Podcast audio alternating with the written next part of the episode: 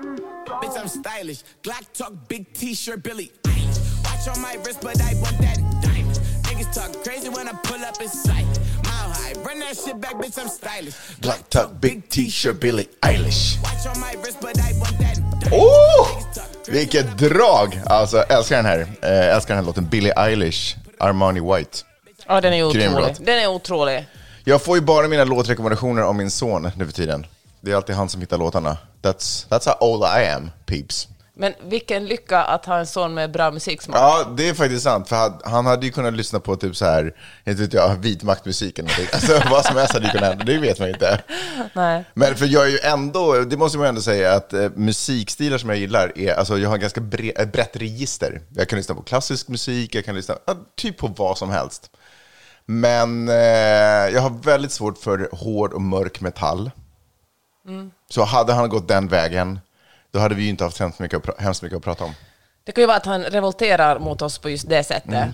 Att uh, välja en sån musiksmak när man blir lite mer tonåring. Så kan det ju vara. Än så länge så gör han mig en stor tjänst med att ha koll på vad som händer ute i världen. Har liksom örat mot marken.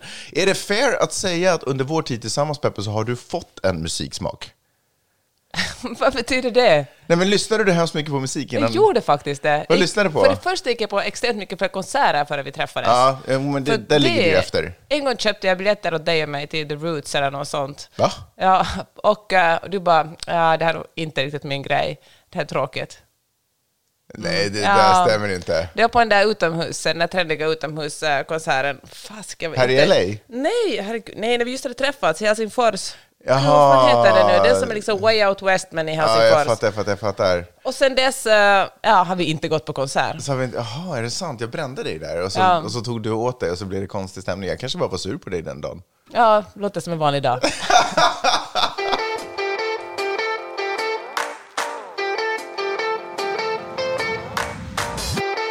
Du lyssnar på Magnus och Peppes podcast.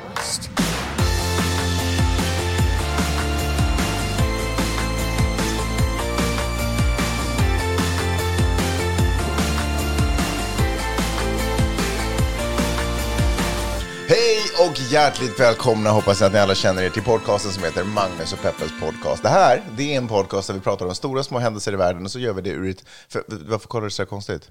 Jag menar att jag var på gott humör. Jag tycker det är roligt att göra podden. Ja, men Du tittade, du såg ju lite bekymrad ut. Nej, men jag tänkte på en sak jag ska prata om senare i podden. jaha, så gick du in känslomässigt Ja, in i det. ja. Du är rolig, för du är precis som min mamma. Hon, hon kan inte... Alltså det hon tänker syns, syns alltså det kommer ut i ansiktet. Jag fan var den sämsta pokerspelare. Ja, det är det faktiskt. Man bara, oh, jag har bra kort. Så ögonen stora och tindrar. Men det är också jobbigt för att om jag är jätteirriterad på någon Mm. så är det svårt för mig att uh, dölja det. I know.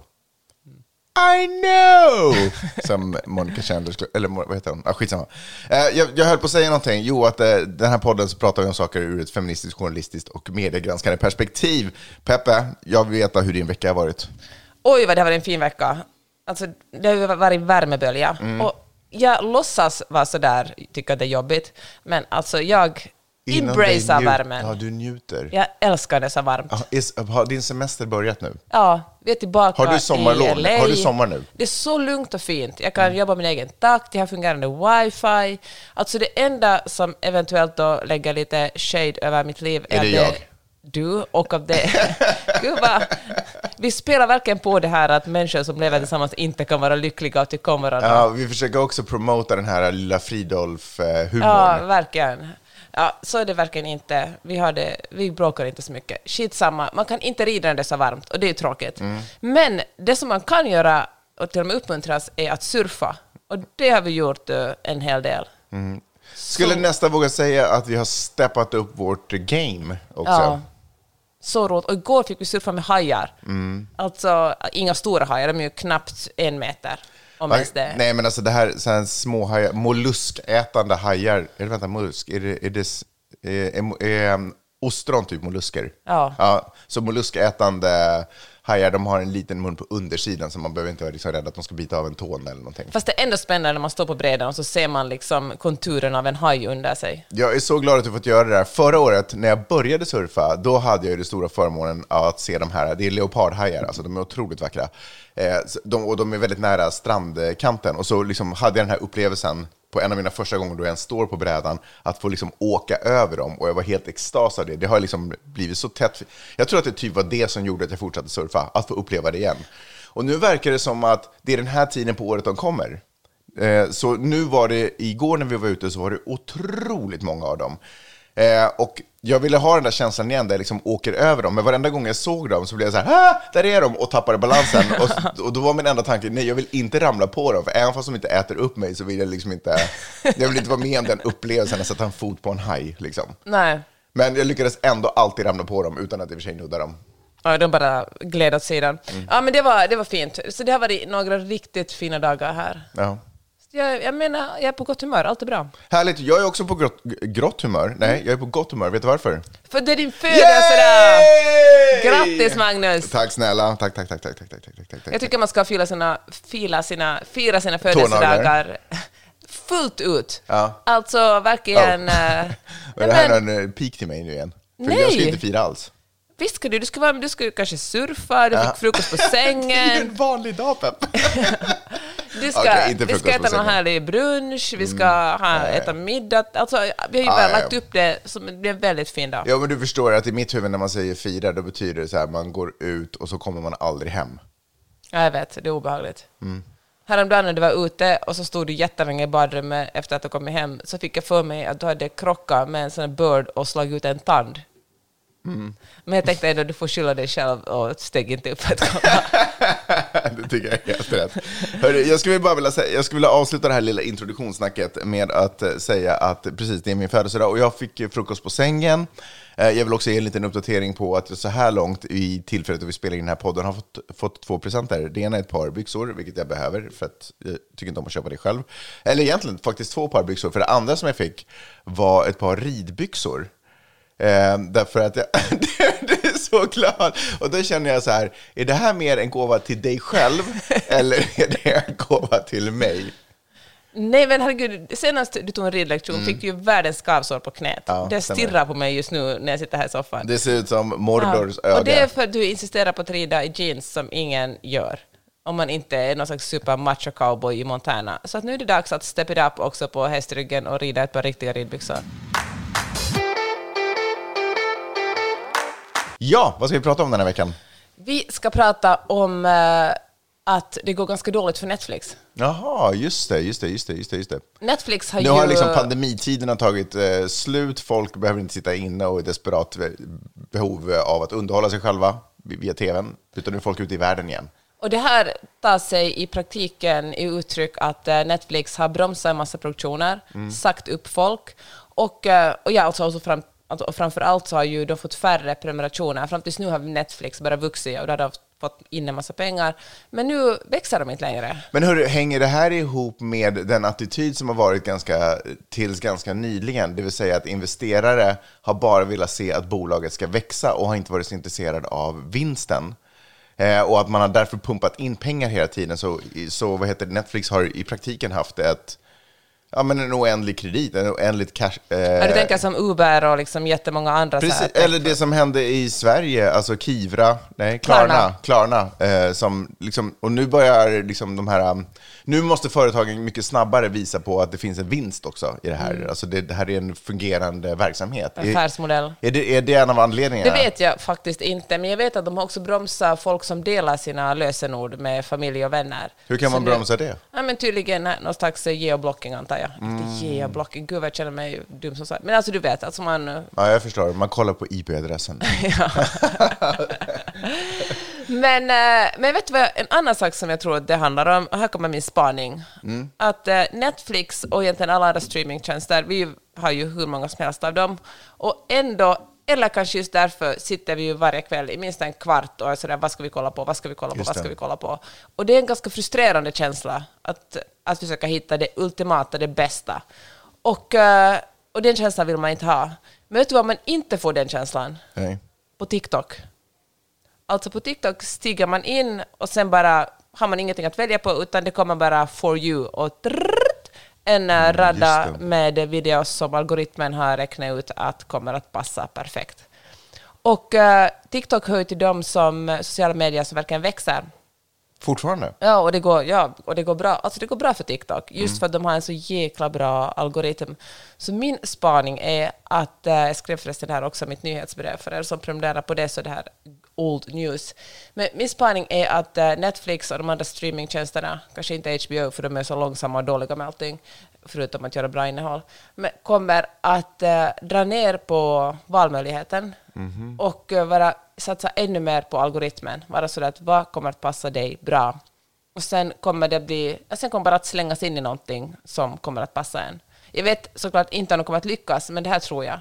För jag tror att den där stresskänslan när man tillbringar enormt mycket tid på att välja inte gör en lycklig. Det finns ju experiment som visar att om man har 18 sorters, sorters sylt i en matvaruaffär köper folk, är det mindre sannolikt att folk ska köpa av sylten än om de har fyra eller sex stycken. Eftersom det finns färre valmöjligheter så då tar man en och är ganska nöjd med det ändå är den bästa.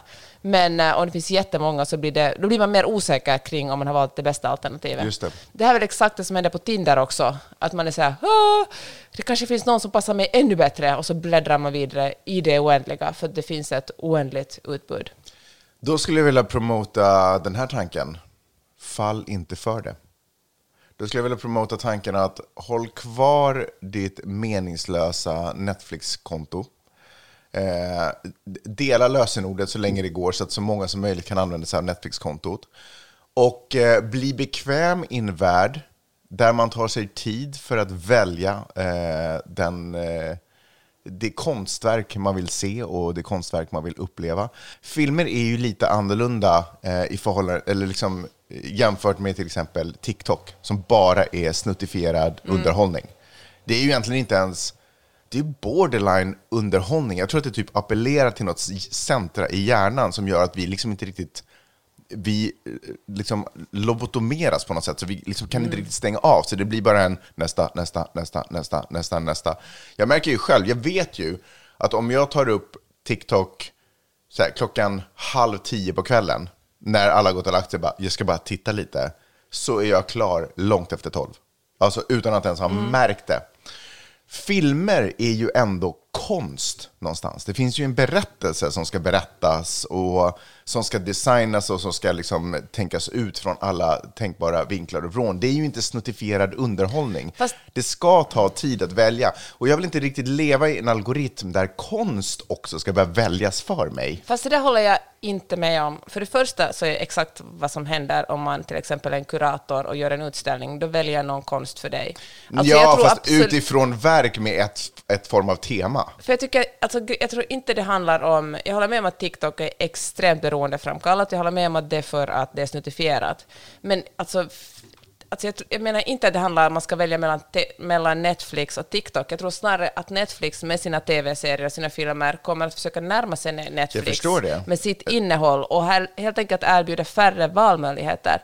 Jag tänker det är ju exakt det jag gör i mitt nyhetsbrev också, att jag plockar ut det som jag tycker det bästa jag har läst i veckan. Så jag har en lång lista på det. Och då behöver den här personen som kanske är intresserad av att eh, läsa och få aha-upplevelser eller allmänbilda sig eller läsa om sånt som ja, men någonting intressant som den annars inte skulle snubbla över, Mm. få det genom mig, istället för att själv gå igenom alla de texter som Jag jag, går igenom. det, jag förstår det. Och jag Men om- tänker att kureringen måste bli bättre. Jag tror absolut på kurerat innehåll, men jag tror att problemet är med Netflix att det finns för mycket. Man kastas ut på ett internet av innehåll. Jo, jag, jag förstår vad du säger. Problemet med de här kureringarna som du pratar om är att när till exempel en gallerist gör det så är det ju en, en person som har ett intresse och en kärlek för eh, kanske artisten eller konsten eller vad det nu än kan vara och vill få ut den till världen.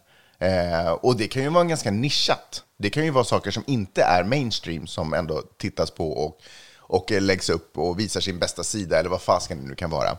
När det kommer till algoritm, när det kommer till den här kureringen som sker på till exempel sociala medier eller på Netflix då, eller vad det är, för det finns ju också på Netflix redan nu.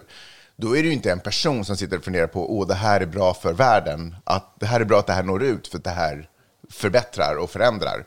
Utan det är ju algoritmer som tittar på vad du har gjort tidigare och som snarare bara understödjer ditt eh, ditt beteende för att, i hopp om att fånga, liksom, kunna spinna vidare på ditt, låsa dig vid ditt beteende. Det får ju inte dig att sådär, åh, upptäcka nya saker och nya sidor och som egentligen, alltså, det är ju en av fördelarna med att vara ihop med dig. För att om jag hade varit själv så hade ju mitt dumma huvud bara suttit och kollat på typ Arnold Schwarzenegger eller något annat skit liksom. Men tack vare att jag har dig så blir det en balans i vad jag tittar på. Så att då, då får jag ju uppleva eh, nya saker om man bara säger ja. Om du, inte försvinner, eller men om du försvinner och jag sitter själv med Netflix och låter Netflix vara den som väljer för mig, då kommer ju Netflix bara vilja till, plisa mig. Det är ju det som är grejen. Algoritmerna är ju plisare. Så sant. Men jag tänker också så här att en riktigt bra algoritm utvecklas hela tiden och liksom AI kanske utvecklas så de stänger in sånt som du inte visste att du gillar ännu. Förstår du? Det är ju... Ja, men det, det kommer inte funka, för det kommer ju... Det kommer ju man ju... Alltså, nej, jag tror inte att det funkar. Jag tror inte algoritmer är intresserade av det. Algoritmer är intresserade av att låsa fast dig vid skärmen. Och det gör du inte genom att testa gränser, därför att att testa gränser är svårt och är en kraftansträngning. Och då tenderar vi, eftersom vi är lata jävlar, 99,99 procent av oss, tenderar att säga nej till den kraftansträngningen. Mm, så algoritmer kommer aldrig prisa vårt, det, vårt behov eh, av att utvecklas. Mm, kanske det. Ja, alltså, kanske det är så. Um. Jag tror att det kommer röra sig i din riktning, mm. men jag tänker att eh, då har vi några få dagar här innan domedagen att göra det till en grej, att ta sig tid och fundera på vad det är man vill titta på. Var en, en, eh, en ordentlig kurerare av sitt innehåll för sig själv. Fast det är ju just det som jag tror att problemet är, att det är så otroligt frustrerande för det finns för mycket. Då får man fan anställa någon slags uh, kurator som... Uh, eller det finns ju en massa, jag menar jag, jag prenumererar till exempel på New York Times uh, nyhetsbrev om tv och film där de lyfter fram det bästa.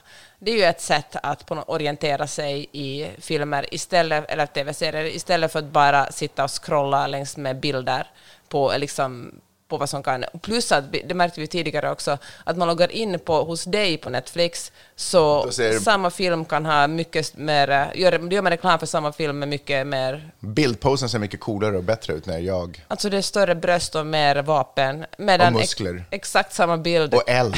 kan ha, ja, i svart och rött hos dig. Ja. Men hos mig så då kan det vara liksom mycket text och liksom den här filmen det är roligt, Queens Gambit är det exemplet som jag kommer på. Då, när man tittar på dig, då är det, ja, men det är en, då är det en hipster-tjej från ett Helsingfors-café eh, som, som ska sitta och spela schack.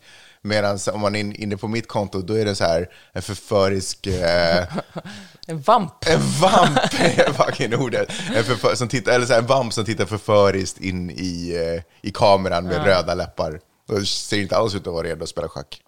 Ja, men i alla fall, jag tycker du ska Play vara... with my heart! jag tycker att du ska vara beredd på att uh, Netflix kommer att uh, trappa upp uh, algoritmen. Ja, Peppe, och när det kommer till dig, då vet man att har du sagt det, då är det ganska troligt att det blir så. Speaking of det, guvernören i Texas. Ron DeSantis. Tack. Nej, alltså i Texas, George Abbott. Nej, Guvernören, Florida. Florida, Florida, Florida. Florida. Gud vad jobbig du är Sam. Så här, ta en felsägning och svara rätt på den. Du borde ju fan få sparken från livet. Alltså, så där kan man ju inte hålla på. Eh, från Florida. Nu verkar Greg det inte... Abbott hette han förresten i Texas, inte George. Hur som helst, George, alltså Ron DeSantis. Ja, nu verkar det ju som att, för du snackade ju om att han kommer gå head to head med Trump Eh, för att bli Republikanernas eh, presidentkandidat. Nu verkar det inte som att Trump, alltså nu verkar det som att han går head to head rakt med Biden. Vad hände? Ja. Ja, men, är, det, är det FBIs stormning av Mar-a-Lago som har satt krokben, liksom final, eller slutligt krokben för Trump, eller vad är grejen? Vad alltså, vi har ju talat om Ron DeSantis i år i den här podden. Ja. Alltså, han har ju varit verkligen up and coming, och han var ju någon som Trump endorsat. Trump, Trump hjälpte ju honom att bli guvernör i alltså, Vi har inte pratat om honom i åratal, men vi har pratat om honom i år. Va? Vi har talat om honom minst två år. Aha, okay. ah, ja. Du har bara inte kunnat snappa upp hans namn för du vet, bara... vet vem det är. Så kan det vara. Just nu när man talar på nyheterna är du sådär Hmm, Ron DeSantis. Jag känner igen den där jäveln. Hur som helst. Nej, men han, han har ju sagt, han är den enda som har sagt att eh, när man har frågat andra potentiella presidentkandidater i Republikanska partiet, kommer de att ställa upp? Och då har alla andra sagt så här, jag kanske ställer upp om inte Donald Trump ställer upp. Mm. Medan Ron DeSantis har varit sådär, Jag ställer upp oavsett. Ja, kanske. Nej, han har inte sagt att han ställer upp ännu, för det är ju ett ganska att säga att man ställer upp kräver, alltså det är ingenting man säger i en bisats, utan man sparar det till ett, jättestort event. Mm. Så alla de här presidentkandidaterna går omkring och säger kanske, kanske inte. Det är lite sådär, vill du gifta dig med mig? Ja, men de, de vill mm, ja, typ. Men de vill se det och ordna en stor happening. Det är liksom kanske mer som ett sånt där som håller på med så här, så här gender reveal party. Ja, liksom. just det, just det, just det. Kommer man, man spräcker hål på en ballong eller har något flygplan som åker över med skitsamma. Ron DeSantis verkar verkligen klättra upp till att bli, eller mycket, ännu mer sannolikt bli Republikanernas presidentkandidat. Mm. Jag såg så sent som nyss, nu var det i och för sig Fox News, så man kanske kan ta den statistiken, eller ja, ja skitsamma. Eh, så, så sent som i morse så sa de att eh, det står ganska jämnt, om man gör en undersökning mellan, mellan liksom folket, röstarna, så står det ganska jämnt just nu mellan Ron DeSantis och Biden. Ja, jag tror verkligen att Ron DeSantis får mycket fler röster än Trump, för Trump visar sig allt mer vara opålitlig och ganska extrem. Ja, men magakulturen är stark. Den är det, men de är inte tillräckligt många. Alltså magakulturen är jättestark, men grejen är den att det finns jättemånga som hellre röstar på någon annan. Och eh, som alltså inte hör till mag. Alltså magkulturen är nästan som en sekt. Men deras röster hjälper inte bara i sig att få Trump omvald, utan man behöver också andra republikaner och folk som står och tvekar mellan republikanerna och demokraterna. Det finns ju generellt fler demokrater i USA än republikaner. Och eh, det här fattar till exempel Joe Biden, eller alla fattar det, men Joe Biden för första gången sedan han blev vald faktiskt gått ut och sagt så här att han har ju varit noga med att aldrig nämna Trump och inte tala illa om någon, men nu i ett tal i veckan gick han ut och sa att eh, han kallar de som, inte alla republikaner, utan Men de maga- som. MAGA-gänget, alltså Make America Great Again-gänget, för semifascister, vilket är ett jätte ganska ett väldigt hårt uttalande för att komma från honom. Och det är tydligt att han vill skilja på, eller hjälpa republikaner som inte riktigt vet var de ska stå, att eh, förstå att han är inte deras fiende, han respekterar dem, presidenten respekterar dem, men han respekterar inte, respekterar inte de här antidemokratiska krafterna Nej. i de här extrema Trump-följarna. Och jag tror att som Ron DeSantis kommer att gå lite samma väg. Han kommer såklart inte att kalla någon för semifascist, men han kommer verkligen att försöka vädja till de, de, de republikaner som känner sig skeptiska till Som är Trump. lite i mittenfållan. Ja. Men han har ju ganska extrema, han har ju, hmm, jo det får man väl ändå säga, att han åtminstone har gjort väldigt hö, extremhögervänliga beslut, till exempel med eh, sitt eget eh, skoldistrikt och ja, så, men så kan han, så appellerar han liksom inte riktigt per automatik Men grejen är den att... till, men- till MAGA. Men Donald Trump handlade inte om ideologi. Alltså Ron DeSantis är mer konservativ än Trump. Det var liksom inte Trumps ideologi som folk störde sig på. Alltså det var snarare hans retorik, att han sa saker, han sa rasistiska saker, han sa liksom funkofobiska saker, han sa liksom misogyna saker. Men hans eh, ideologi eller hans politik, hans policies var inte så extrema jämfört med många andra presidenter. Det finns till exempel så här invandringspolicy som, som Trump la ut under, under covid, som, som Joe Biden, som ändå ska vara lite så invandringsvänlig, inte ändra. Han bara, vi låter det vara så här, det är ganska bra. Men det som folk sätter sig emot Donald Trump är ju liksom hans, eh, men både hans retorik och hans antidemokratiska agerande, alltså att han är inte så intresserad av att leva i en, en demokrati. Däremot tror jag att, att vara emot transpersoner, att vara emot homosexuella, sånt tror jag republikanerna tycker att det är fine. Att vara emot abort, de bara Okej, i och för sig, abort är en annan sak vi ska tala om sen. för Ja. Men, men jag tror att hans, att, eh, jag tror inte att republikanerna har problem, något problem med Ron DeSantis direkta ideologi. De tycker att han verkar vara en bra republikan. Jag tror att eh, Demokraterna har fått ett litet uppsving just på grund av att eh, Högsta domstolen Exakt. avslog eh, Wade, Roe versus Wade-grejen. Exakt. Det har de verkligen fått och det ser man redan att, att, att demokraterna, eller de republi- demokratiska så här, Eh, kandidater gör mycket bättre ifrån sig i delstaterna nu än republikanska just för att man talar om frihet och man talar om att kvinnan ska få bestämma över sin egen kropp. För det är väl ändå så att 60, eller det är så att 60 procent av amerikanerna är för att man ska få bestämma över sin kropp om man vill göra abort eller inte. Och eh, nu tänker man ju så här att Högsta domstolen är republikanskt, men alltså nej, de är konservativa och liksom Högsta domstolen är inte exakt samma sak som republikanerna, trots att det var en republikansk president, alltså Donald Trump, som har valt en majoritet, eller tre stycken av dem som gjort att en majoritet är konservativ. Men eh, så att eh, om, om Demokraterna spelar på just abortkortet så verkar de ha mycket större chans att göra bra ifrån sig i kongressvalet. Det är ju mellanårsval nu om bara några månader här. Så att eh, vanligtvis är det ju så att presidentens parti, alltså pre- presidenten ska ju inte vara parti, partipolitisk, men ändå så i praktiken, att presidentens parti brukar förlora i både senaten och kongressen i mellanårsvalet. Men om man har räknat med, man har utgått från att Republikanerna kommer att vinna supermycket i höst. Men just på grund av abortfrågan och för att Demokraterna har lyckats hålla den levande, åtminstone än så länge, så ser det ut som att eh, det inte alls går så bra för Republikanerna. Nej. I till exempel Alaska, som är en väldigt konservativ republikansk delstat, där vann en person, en kvinna från ursprungsbefolkningen, hon heter Mary Peltola, och jag tänker säga Peltola på finska för det låter mycket bättre, och, eh, och mot, eh, över Sarah Palin, som de gamla lyssnarna kanske minns eh, ställde upp som vicepresidentkandidat för många år sedan. Hon är en väldigt populistisk och konservativ Ah, Vad hette den där senatorn som republikansk... dog? eh, Senatorn som dog nu som ställde upp mot, eh, var det Obama första året? Var det? Nej, Ah, var inte. Mitt Romney hon ställde... Nej, det kan inte vara Mitt Nej. Romney.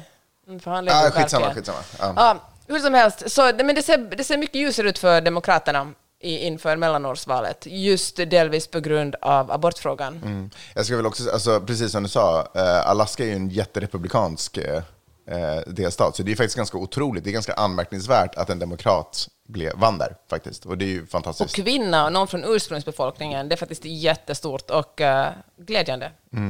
Men du, jag har en fråga, Peppe. Var lämnar det Liz Cheney? Liz Cheney talade vi om för ett par veckor sedan här i podden. Hur kommer det gå för henne? Ställer hon upp i presidentvalet? Och vad har hon för chanser? Alltså hon har inga chanser att vinna i presidentvalet. Men jag tror att hon kommer att ställa upp ändå. Och så kommer hon att ställa upp om eh, sex år igen. Mm. Och då kanske hon har en chans. Då tror jag att det re- republikanska Då har man partiet... fått så pass mycket distans till Trump så att han är... Exakt, och då, då har man kunnat också så, jag tror att det är liksom, det här såret är för färskt ännu. Folk som är verkligen besatta av Trump kan inte gå till fiendens sida och liksom rösta på Liz Cheney. Men på sex år då hinner man distansera sig från, eh, och folk hinner glömma det som vad man tyckte och kände och det blir inte pinsamt på så här middagar när man ska tala om, om Trump, utan eh, då tror jag att, ja, men jag tror att det republikanska partiet är redo för en kvinnlig presidentkandidat som Liz Cheney. Jag tror att hon Ja, svårt att se vad som händer om sex år, men jag tror inte det är omöjligt att hon är en riktigt bra kandidat för Republikanerna då. Nej. Eh, det är flera saker som jag skulle fråga om, och vi kanske tar det i det här tjocket. Eh, det ena är, det första är, eh, Trumps eh, estate i Mar-a-Lago blev, eh, vad heter det? Alltså FBI gick in och tog massa papper, bla bla bla, processen pågår. Mer och mer, eller små, små detaljer skulle jag snarare säga, läcker om vad som, eller jag vet inte, kanske inte ens läcker, men publiceras om vad, som, vad man har hittat. Så här. Men vad tror du, kommer det här ha någon effekt? På, kommer Trump åka fast för någonting? Kommer det här liksom, eh, kommer det påverka bilden, synen på honom? Jag vet att man alltid säger så här när det händer någonting med Trump och sen klarar han sig ändå på något sätt. Teflonmannen. Men jag tror verkligen att det här kan vara någonting som fäller honom. För det är så otroligt tydligt. Och det är så tydligt att han har ljugit och för att han också har gått ut och skrivit så mycket om det själv på sitt eget sociala nätverk, Truth Social. Truth Social heter Snyggt. det. Och eh, som förresten Google har tagit bort, man kan liksom inte ladda ner det från Google Aha. som app längre eftersom Google säger att de inte följer så här moderatorregler, alltså de är inte tillräckligt noga med hur man modererar kommentarer där.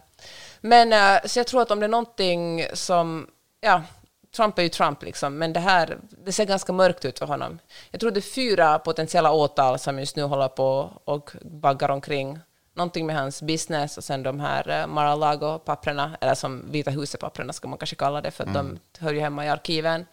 Det, som, eh, det var tydligen så hemligstämplade papper att många av de FBI-agenter som hittar de här papperna måste själva gå igenom någon slags sån clearance för att kunna kolla Hantera på dem. dem. Och det handlar väl till stor del om eh, spioner eller andra, andra per- personer som lever undercover utomlands, alltså folk som bor i på antidemokratiska platser och försöker få intel om vad som spioner. händer. Och sånt som är, och om deras, eh, om eh, deras eh, identitet avslöjas så det är livsfarligt för dem, men säkert också en fara för landet. Och eh, nu alltså elaka tungor, eller tungor, snackar om att Trump har liksom gjort business med Ryssland och Kina och sålt information. Men eh, det finns också teorier om att han bara tycker att det är en att han inte ens tänker så långt, utan det är bara en kul souvenir för honom. Han känner sig viktig om han får ha viktiga papper. Just det, just det. I sitt, eh, i sitt kassaskrin. Ja. Eh, en annan grej som jag undrar är, för, för ett tag sedan så kommer jag ihåg att du beklagade över att Demokraterna inte är eh, Ty, alltså de, inte, de gör inte bra ifrån sig i diskussion, alltså i debatter och liksom deras tydlighet. De bara klant, håller på och slarvar bort alltihopa. Känner du annorlunda du? Jag gör det faktiskt. Och det verkar... Jag ser det på dig. Det är därför det känns så kul att ställa frågan. Ja, tack för att du ställde den, Magnus. Nej, men eh, det verkar verkligen som de har väst sina argument lite, och då faktiskt med Joe Biden i spetsen. Men kan man säga att abortfrågan har hjälpt dem att lite sådär få någon form av fokus? Ja, delvis. Och, ja, men jag tror också att, eh, att För precis. plötsligt försvann en så otroligt grundläggande rättighet. Rättighet, ja. Att de bara, wait, och så blev det liksom, det blev någon form av motor i maskineriet. Ja, De, helt plötsligt fick de en frihetsfråga. Kan de börja äga en frihetsfråga? Ja, men de har ju verkligen eh, tagit sig an det att säga att, att vi står för frihet. Att i, vårt, eh, I vårt USA då får man läsa vilka böcker man vill, man får bestämma över sin egen kropp och så vidare. Och så vidare vilket är jättesmart att, eh, att ta tillbaka frågan om frihet från Republikanerna. Men eh, så har ju också Joe Biden blivit eh, Dark Brandon. Har du hört talas om Nej, det? vad är Dark Brandon? Jag tänker på Johnny Darko nu. vad- vad Alltså, du vet det här som Republikanerna håller på, Let's Go Brandon, Ja, just det. som står för eh, Fuck you Biden. Ja. För, och de tycker att de är super, de blir så här fnissiga när de säger det. Mm. Att de bara, jag säger en hemlig kod som bara Republikaner förstår. Ja. Och då Jag kommer har... inte exakt ihåg vad det handlar om, det var någon... Det någon sportevent. Ja, det är någon Ja. Någon eh, som heter typ, vad, hette, vad var namnet? Brandon, Let's Go Brandon. Alltså Brandon är typ någon sån förare, Ja. eller något sånt, som hade sagt no, fuck you Biden. Typ. Ja, och då håller alla på och ropar. Och det finns så flaggor där det står Let's go, Mm. ja, Brandon. I alla fall, då har eh, Demokraterna gjort som man ska göra när man blir mobbad, ägt det och gjort Mm. Det. Mm. gjort det till eh, Dark Brandon. Och, eh, och gjort det så här, okej, nu blir vi lite hårdare, lite vassare, och till exempel att Joe Biden förlät eh, en del, en del upp till 10 000 eller 20 000 dollar av studentlån. Det säger man att det är Dark Brandon. Det är liksom Joe Biden som tar tag i saker.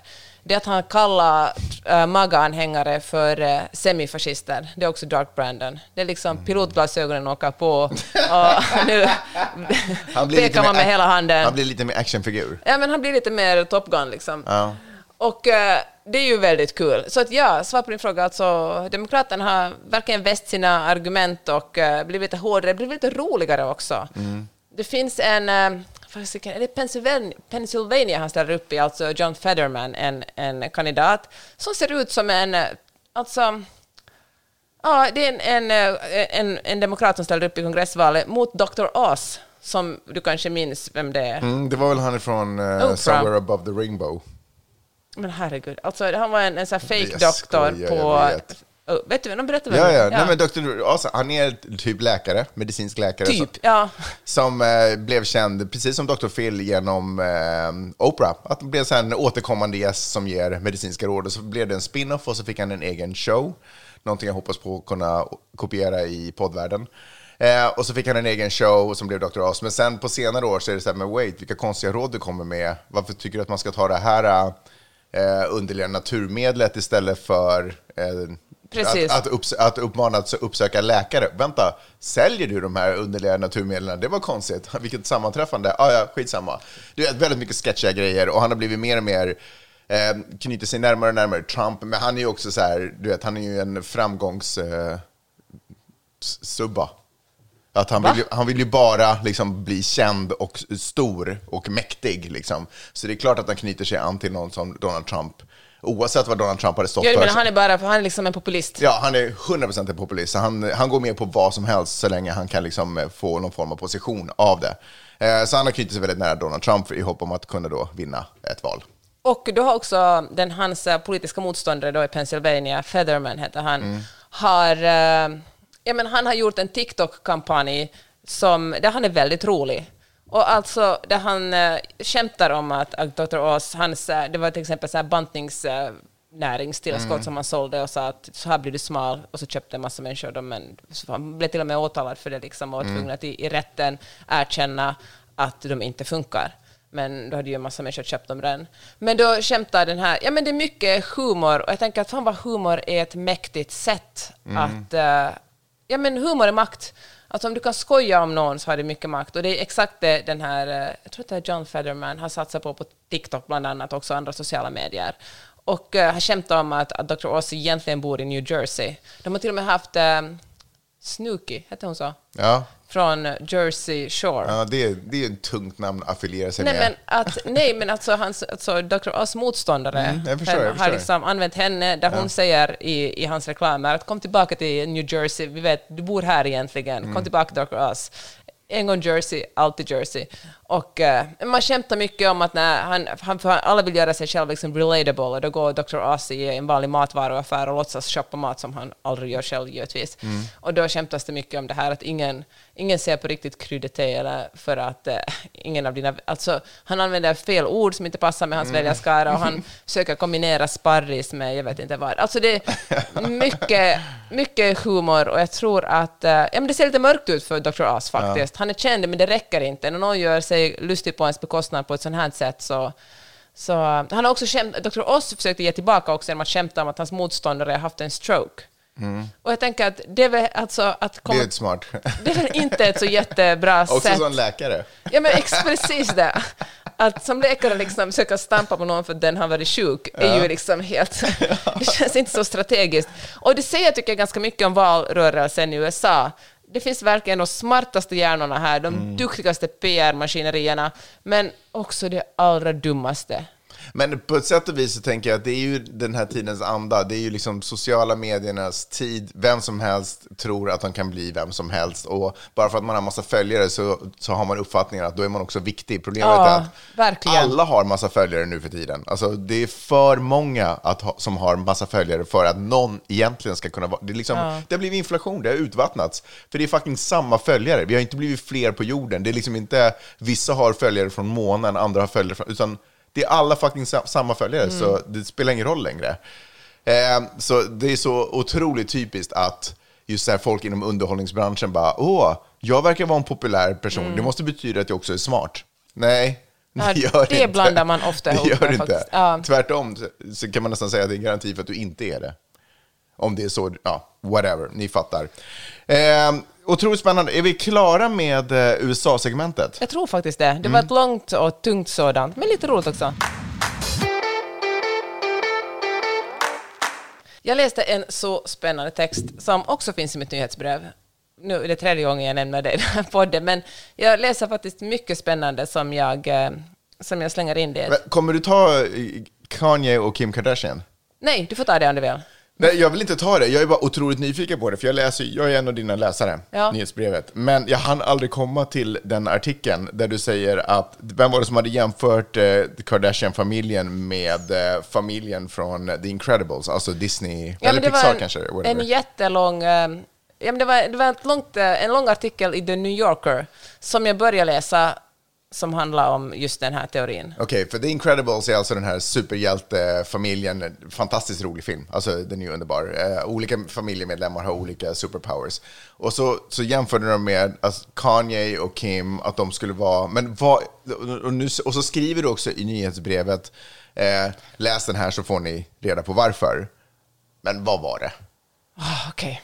Nej, men så här. Alltså, Kanye, när han träffade Kim Kardashian, Mm. då lyfte han ju upp henne till att bli en modeikon. Mhm. Alltså, hon var ju klädd... Hon hade ingen stil alls. Nej. Hon var liksom en B-dokusåpastjärna. Hon hade jobbat som assistent för Paris Hilton. De träffar varandra, ser inte att det inte var riktigt kärlek, för jag tror faktiskt att det var Hon hade också gjort en, eh, en hemmafilm med en fotbollsstjärna tror jag. en hemmafilm. Säg vad det är, Magnus. En hemmafilm. En hemmafilm. En film som bara ska ses hemma. Och det finns det den här eh, jättekända segmentet där Kanye kommer hem till Kim Kardashian som visas i The Kardashians, för hon hade ju redan en dokusåpa då, Mm. där han går in i hennes uh, walk-in closet och säger att allt ska ut. Det här är bara trash. Hon bara, men kan jag snälla få spara det här? Han bara, nej sorry, det här är, det här Det är är så fult. fult. Ja. Ja. Och eh, sen gör han om henne till eh, den modeikonen hon är idag. För säger man vill om henne... Tänk att det är han som har gjort det. det är Gud, ju... ja.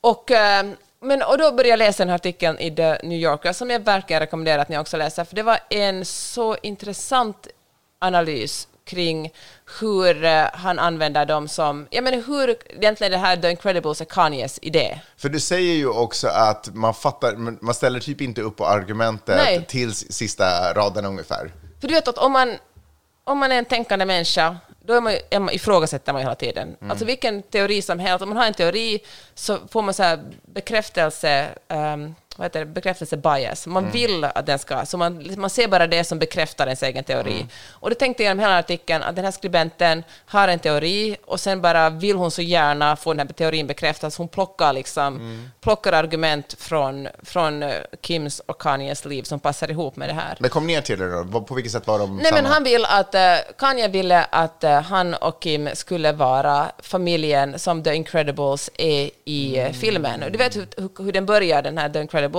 när man, det liksom, det låtsas dokumentär och någon, in, någon bakom kameran intervjuar alla de här Mm, som är med. De intervjuar mamman, pappan, För barnen. det är tiden efter deras storhetstid liksom. Ja, och så ser man tillbaka. Mm. Ja. Och det är ju någonting som sker också i, i The, The Kardashians. Mm. I början ville han ju inte vara med så mycket, Kanye, utan, men sen så man intervjuar dem och de berättar om sitt liv.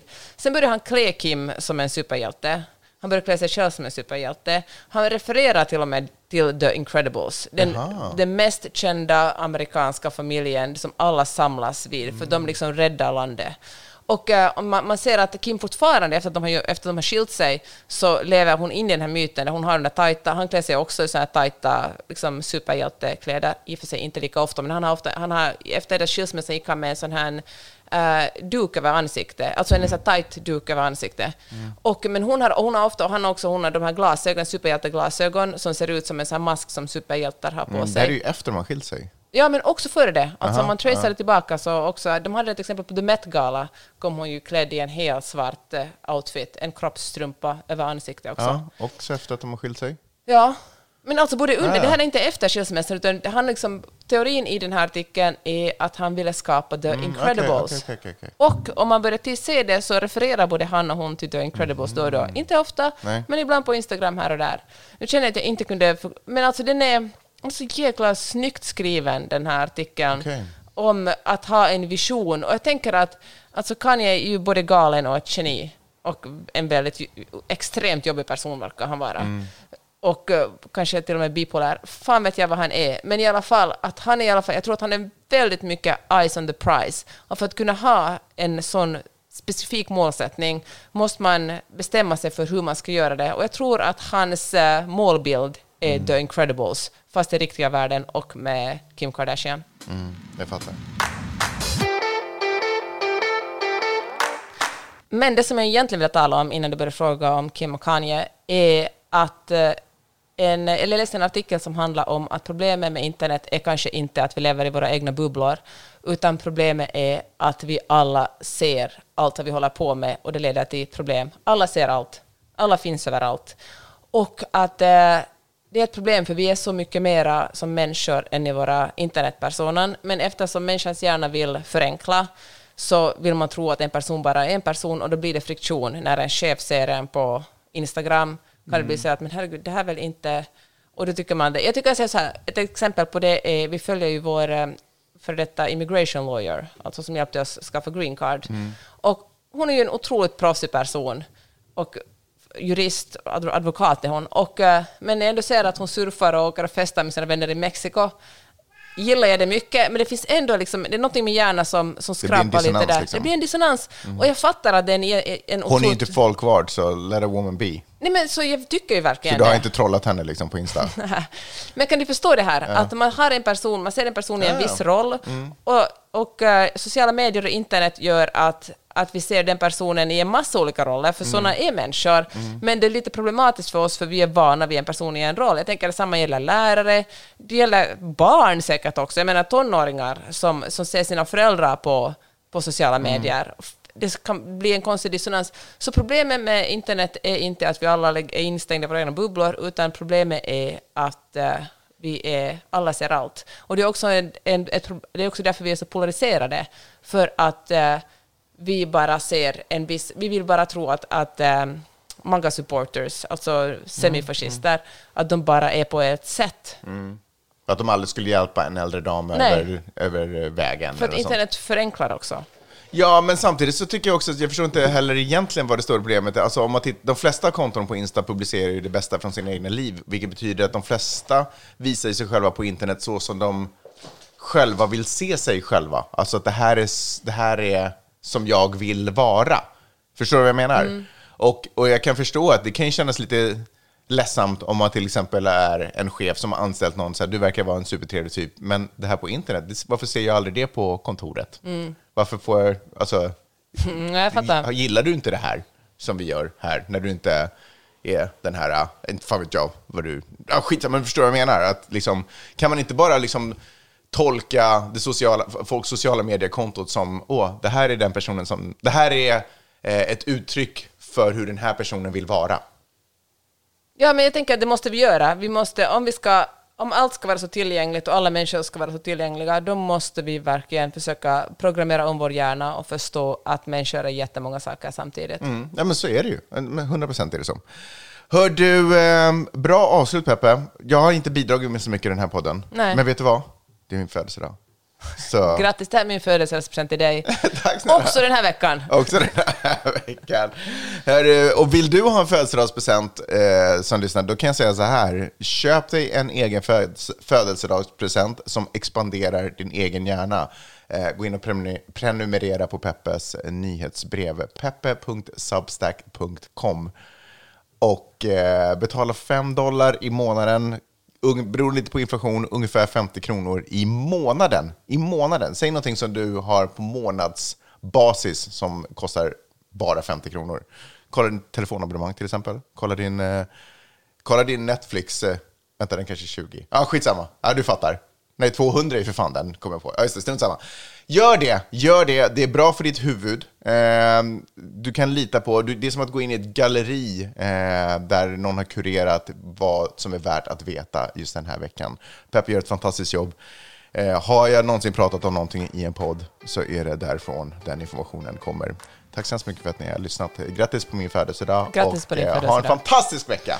Hej då! Hej då!